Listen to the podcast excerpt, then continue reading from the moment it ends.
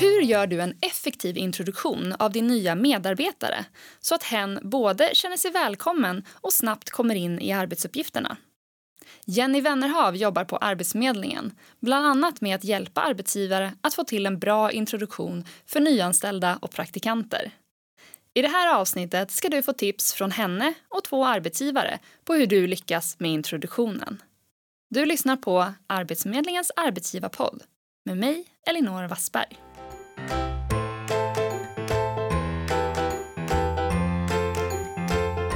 Välkommen Jenny! Tack så mycket.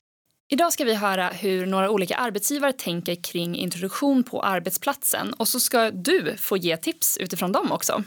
Jag tänker att vi börjar med att lyssna på den ena arbetsgivaren som heter Thomas Svensson och han har jobbat som produktionschef på Kockums Maskin och vill dela med sig av ett misstag som han har gjort tidigare.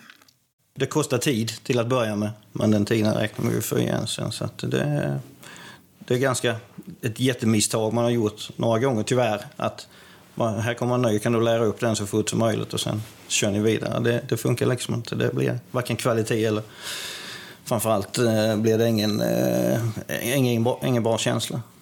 Ja, Jenny, vi hör ju på Thomas här att eh, vikten av en introduktion. Men vad, vad säger du? Varför är det så viktigt att få till en riktigt bra introduktion? Alltså precis som Thomas är inne på så vinner man ju på det i längden att få med sig den nyanställda direkt i början. Eh, genom att man har en introduktion som är välarbetad så skapar man ju en trygghet för den som är ny och den känner ju genom det en delaktighet i verksamheten.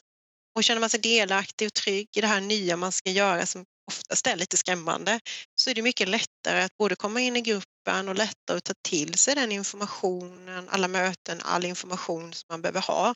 Och då blir upplärningen mycket effektivare. Då kan man komma igång i arbetet också produktivt, liksom eh, bidra till någonting. Och nu ska vi gå igenom några olika tips på hur man ja, men som sagt, lyckas med den här introduktionen eller onboardingen. Och vi börjar eh, med ett tips som handlar om förberedelser. Och här ska vi lyssna på det av vår andra arbetsgivare. Det är Markus Lundqvist som är chef ö, över leveransavdelningen på Talentech. Och han poängterar att du bör påbörja introduktionen väldigt tidigt. Ett bra tips att ha i åtanke när man ska introducera någon är att tänka att introduktionen börjar egentligen sekunden efter att personen har skrivit på sitt nya anställningsavtal hos er. Därför tror jag att man behöver kommunicera både mjuka och hårda eh, värden till den här personen under tiden som, som man väntar på att den ska börja hos sig. Eh, de hårda värdena då, det har ju att göra med de här praktiska delarna kring så här sjukanmäler du dig hos oss eller så här tidsrapporterar du när du väl börjar. Detta så att personen känner att den är så rustad som möjligt innan det är dags att, att faktiskt göra sina första dagar hos er för att undvika korvstoppning. Men det kan också vara ett sätt att till exempel be om att få information tillbaka som arbetsgivare om det man måste beställa arbetskläder eller datorer där man behöver ta in information som storlekar eller vilken typ av utrustning man önskar. Eh, på så sätt så tror jag att man som medarbetare känner att det finns en plan och man är välkommen när man väl börjar på sin nya arbetsplats. Precis som Marcus säger så är det ju, ja, men det blir lite korvstoppning. Det är så mycket nytt.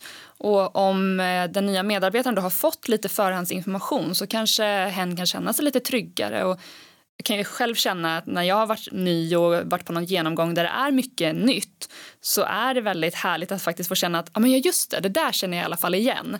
Så att det blir någon typ av igenkänning. Jag håller absolut med.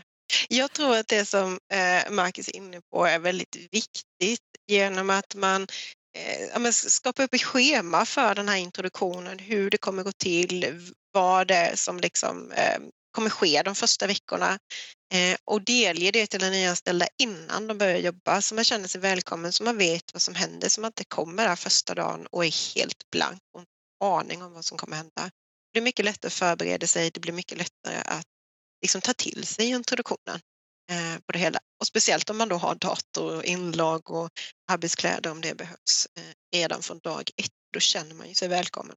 Ja, men precis. Och schema är du inne på. Hur pass detaljerat ska, ska ett schema vara? Alltså, det viktiga tror jag med ett schema det är att det finns en balans i det, att man fördelar jämt möten, självstudie, reflektionstid och även tidsbokade raster. För kommer du ny så är det svårt att kanske själv ta det här beslutet att man ska gå på en rast och speciellt i dessa tider nu när väldigt många jobbar hemma eh, så, vilket också kommer säkerligen att följa, följa med oss även framöver i tiden att allt mer blir hemarbete och distansarbeten och ortsoberoende. Och då är det jätteviktigt att det finns ett schema som inkluderar både kontakt med dina kollegor, de närmsta cheferna, Eh, där finns eh, information eh, som är viktig att ta till sig, men det finns också utrymme för självstudie, reflektion Schema tror jag är jättebra för att ha en grund för att personer ska komma in i det, men det måste också finnas en balans i det. Vad mer tycker du att man ska förbereda innan medarbetaren börjar? Alltså, jag tänker att man kan se till att ha en handledare som är utsedd redan från början som vet att den här personen ska börja. Kanske till och med den personen som tillsammans med den nya chefen välkomnar någon vecka innan och skickar ut den här introduktionen. Eh, att handledaren är den som möter upp en på arbetet första dagen, eh, antingen fysiskt eller via ett möte när det är dags att börja jobba. Så att veta att man har en person som man kan kontakta direkt är jätteviktigt. Också de här aspekterna som han tar upp om att veta var jag anmäler mig om jag är sjuk. Man kan ju faktiskt bli sjuk sin första arbetsdag och då ska man inte stå där och vara orolig för var man ska vända sig utan då har man redan koll på vart man har av sig. Om man blir sjuk eller om man behöver vabba eller så. Just det, ja, men det är jättesmart. Och sen förhoppningsvis så börjar ju medarbetaren äntligen och får det här ja. schemat och så. Vad har du för tips för den här första tiden på arbetet? Alltså dels är det bra om man får med eh, de här olika aspekterna som påverkar min anställning. Både mitt eh, utövande men också det som påverkar mig eh, inom eh, organisationen. Sen är det också viktigt att man har med de villkoren och egentligen kanske den kulturen som finns på arbetsplatsen. Så att man vet lite vad som förväntas just där och vad, hur är det liksom? Ja, nej, men det är en halvtimmes lunch fast det är okej att ta 45 minuter. Det är ingen som liksom står och klockar en. Eh, så att man får en, en eh, liksom känsla av vad det är för ställe, vad det är för kultur och det är jättesvårt att förmedla på distans. Eh, det är framförallt svårt att skapa en kultur på distans. Men har man en bibehållen kultur så är det ändå ganska lätt att förmedla. Var, var tydlig med det helt enkelt. Att, att prata ja. om sådana här saker som man kanske själv kan känna egentligen när man jobbar så är ju de så självklara men när du kommer ny till ett ställe så det kan ju variera även om du har jobbat kanske med liknande arbetsuppgifter tidigare så kan det faktiskt variera från arbetsplats till arbetsplats också. Mm. Och det blir, det är som du säger, det är ju lätt att bli hemmablind i sådana saker. Att man behöver nog fundera lite själv om jag hade kommit ny in i detta. Vad hade jag velat veta och vad hade jag liksom egentligen inte kunnat ta för givet?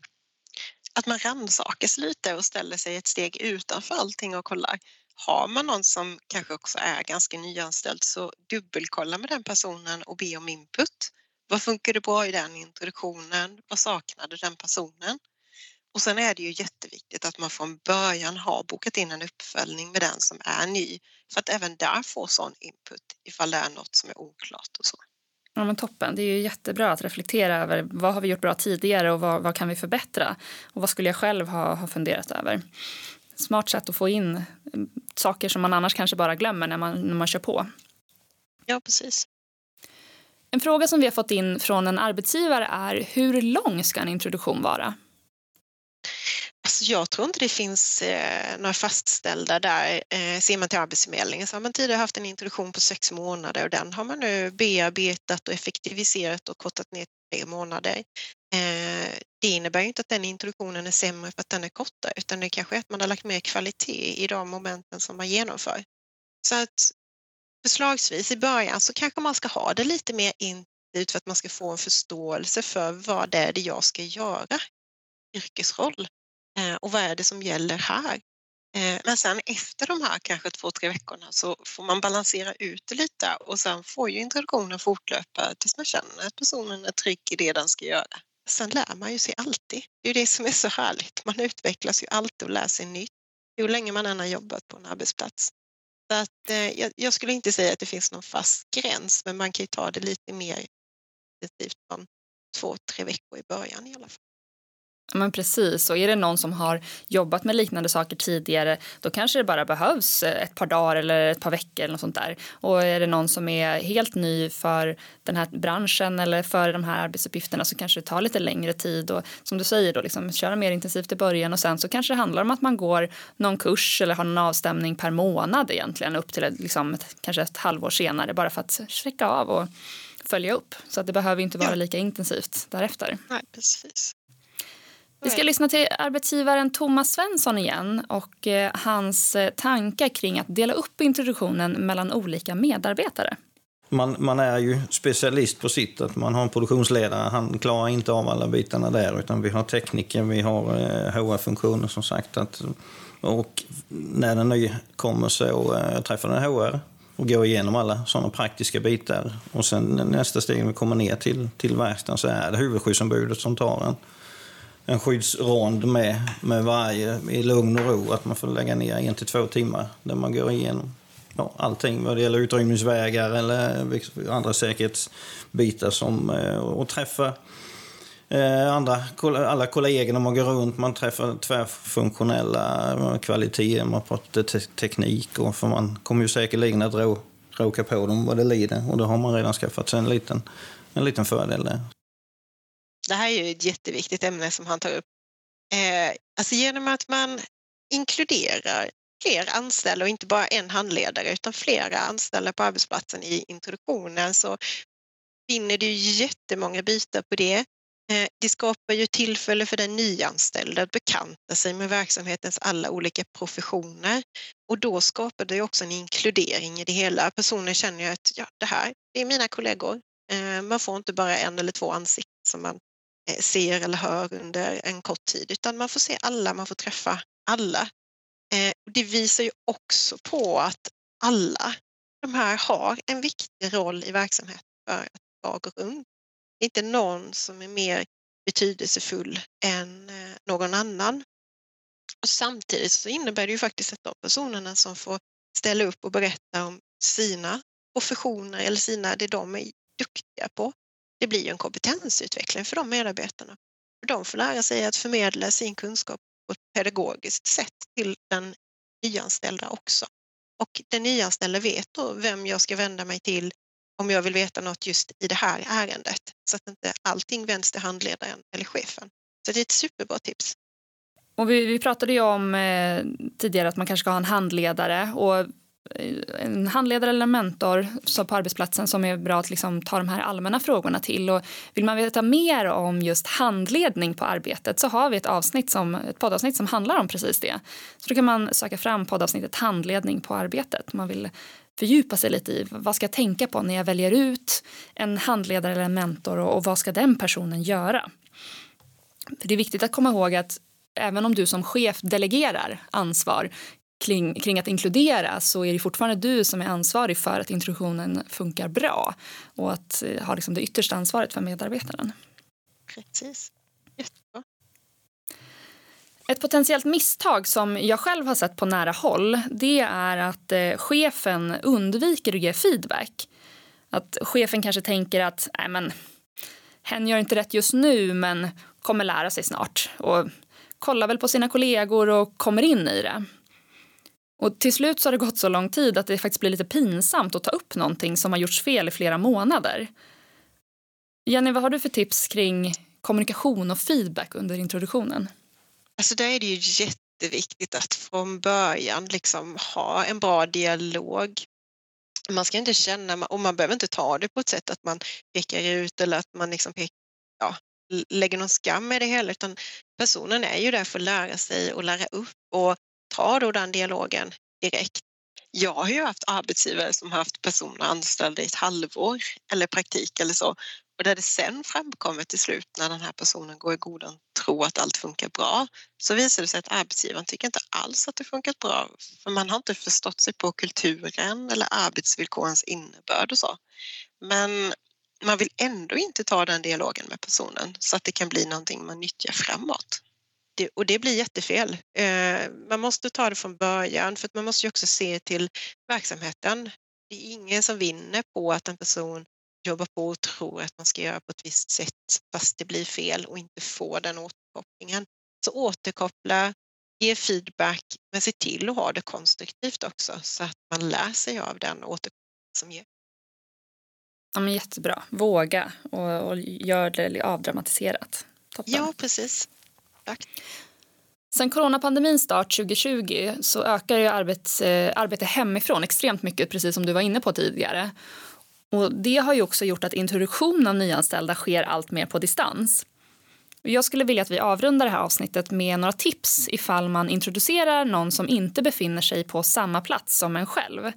Och jag tänker att vi ska börja med att lyssna till Marcus Lundqvist igen. Något som är en utmaning nu för tiden är ju då det här med att introducera någon på distans. Eh, och alltså hur, hur får du någon att känna sig välkommen eh, när man kanske sitter och gör sina introduktionspass hemifrån? Man kanske har två introduktionspass på en arbetsdag på åtta timmar. Eh, vad fyller man då de andra timmarna med under den dagen som man vanligtvis kanske hade spenderat genom att skugga någon eller att träffa personer i fikarummet eller, eller vad som helst. Därför tror jag det är viktigt att man även har en plan för hur man introducerar någon in i de sociala sammanhangen, alltså genom täta check-ins med sin nyanställde eller med spontana fiker digitalt, att på något sätt försöka förmedla den kultur som ändå finns på bolaget fastän man gör det på distans då, tror jag är minst lika viktigt att ha en plan för som att faktiskt lära sig sina nya arbetsuppgifter då det är en väldigt eh, en utmaning när vi alla jobbar hemifrån. Alltså han är inne på jätteviktigt och det, här, och det är det här med att skapa ett socialt sammanhang för de nyanställda. Eh, där tror jag det är viktigt att man som chef uppmuntrar eh, kollegorna att ta kontakt med anställda att man eh, kanske ja, men, hittar ett substitut för de här småpauserna som annars förekommer när man är inne på plats. När man kanske stannar till vid kaffemaskinen och småpratar lite, man går förbi någons rum och säger hej eller man kanske jobbar i en butik och, och har möjlighet att snacka medan man gör grejer och ställer i ordning och sånt där. Så att det är jätteviktigt att man hittar eh, substitut till det och det kan vara att man bara bokar in ett litet digitalt möte, 15-30 minuter, kan någon bara liksom titta in och säga hej och fråga hur det går eller lära lär känna varandra. Eh, man kanske kan be alla medarbetarna boka in en 10 minuters, 15 minuters eh, lära känna tid. Man kan också göra så att man vid ett APT eller sånt ger kollegorna att presentera varandra genom att göra det så kan det säkert bli en del skratt och då blir det lättare för den nyanställda liksom att, att eh, hänga med i de där eh, skratten och, och dialogerna när det är någon annan som har pratat om den kollegan som sitter där eller där. Så att, eh, det är verkligen jätteviktigt eh, för det skapar ett mervärde i längden för de nyanställda. Och en sak som du nämnde nu som jag verkligen vill poängtera, för jag det är så viktigt, du sa att, att man kunde också höra av sig och bara liksom stämma av. Och det tror jag verkligen, just att tänk nu att den här personen sitter ju på distans, liksom, kanske hemma eller någon annanstans liksom själv och att du hör av dig. Vänta inte på att med, medarbetaren vet ju att hen kan höra av sig om man har frågor. Men förekom. Hej, jag ville bara checka av. Bara kolla hur det går för dig. Liksom. Hur känns det? Bara den lilla tror jag också, jag håller med verkligen, det gör, det gör nog stor skillnad. Ja, och där tror jag också så här, istället för att mejla en fråga när man har någon undran eller sånt, ringa upp personen på Skype eller vad det är för typ av digitalt verktyg man använder för chattfunktioner och sånt. Och om det funkar, ha ett videosamtal, sätt igång videon, se till att se varandra prata. Det blir också lättare att se hur den andra personen mår. Eh, man kan göra så himla mycket med de här digitala verktygen idag. Man kan ju också, som han var inne på, att man kanske skuggar någon. Ja, men det kan du göra. Dela skärmen, låt den andra sitta och titta på vad det är du gör. Då blir det också lättare för den att förstå systemen och hur de hänger ihop och hela den biten. Du kan ju ha en skyddsrond via eh, datorn genom att dela kartan över lokalen eh, och då får du nästan till och med en bättre överblick än om du står i lokalen rakt upp och ner och här är den och sen går vi bort hit och här har du den brandsläckaren. Har du en karta över lokalen så ser du ju hur de förhåller sig till varandra och var nödutgången är och var brandsläckare och brandfilt och ficklampa och allting sånt finns. Så det kan till och med finnas fördelar faktiskt eh, med det digitala. Precis som att du kan ha en introduktion som består av inspelade filmer eh, på hur olika saker fungerar eller där andra presenterar sig och då kan den nya spola tillbaka och lära sig sin egna takt. Mm, vad smart. Och kom också ihåg arbetsmiljöansvaret för det, det gäller ju även hemma, alltså hemma hos medarbetaren. Ja, så är det ju. Och det är där video, videosamtalen kan göra jättemycket för det är mycket lättare för, för chef eller medarbetare som sagt att, att se den andra, man ser hur den mår och så vidare. Och eh, det är ju faktiskt så att vi har ett arbetsmiljöansvar för varandra. Så det är inte bara chefens uppgift utan som kollega är du skyldig att reagera och agera om man märker att en kollega mår dåligt. Så att det är jätteviktigt att tänka på de bitarna och se till att det finns förutsättningar för personen att jobba hemma när det gäller ergonomi, att det är en bra miljö, att det finns extra tangentbord och sådana saker. Kanske till och med en skärm om det skulle behövas. Men precis, och om, om, eh, om man behöver teknisk support så kanske det finns någon att kontakta också. Och vem är det då i sånt fall? Så att man får den typen av information också. Ja, exakt. Och där är det ju många som behöver tänka på att man har en automatisk anslutning till nätverket när man jobbar hemifrån. För att de som sitter på den tekniska supporten ska kunna komma åt datorn om man själv inte kommer in i den.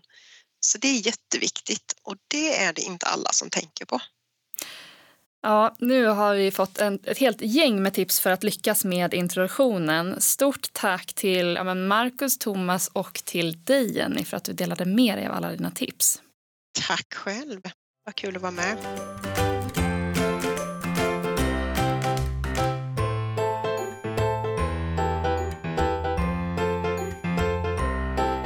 Du har lyssnat på Arbetsförmedlingens arbetsgivarpodd med Jenny Wennerhav och mig Elinor Wassberg.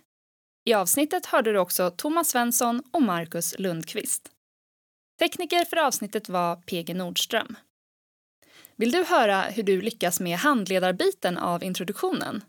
Lyssna på vårt poddavsnitt Handledning på arbetet som släpptes våren 2019. Kom ihåg att prenumerera på podden för att ta del av nästa avsnitt. Och det här avsnittet producerades våren 2021.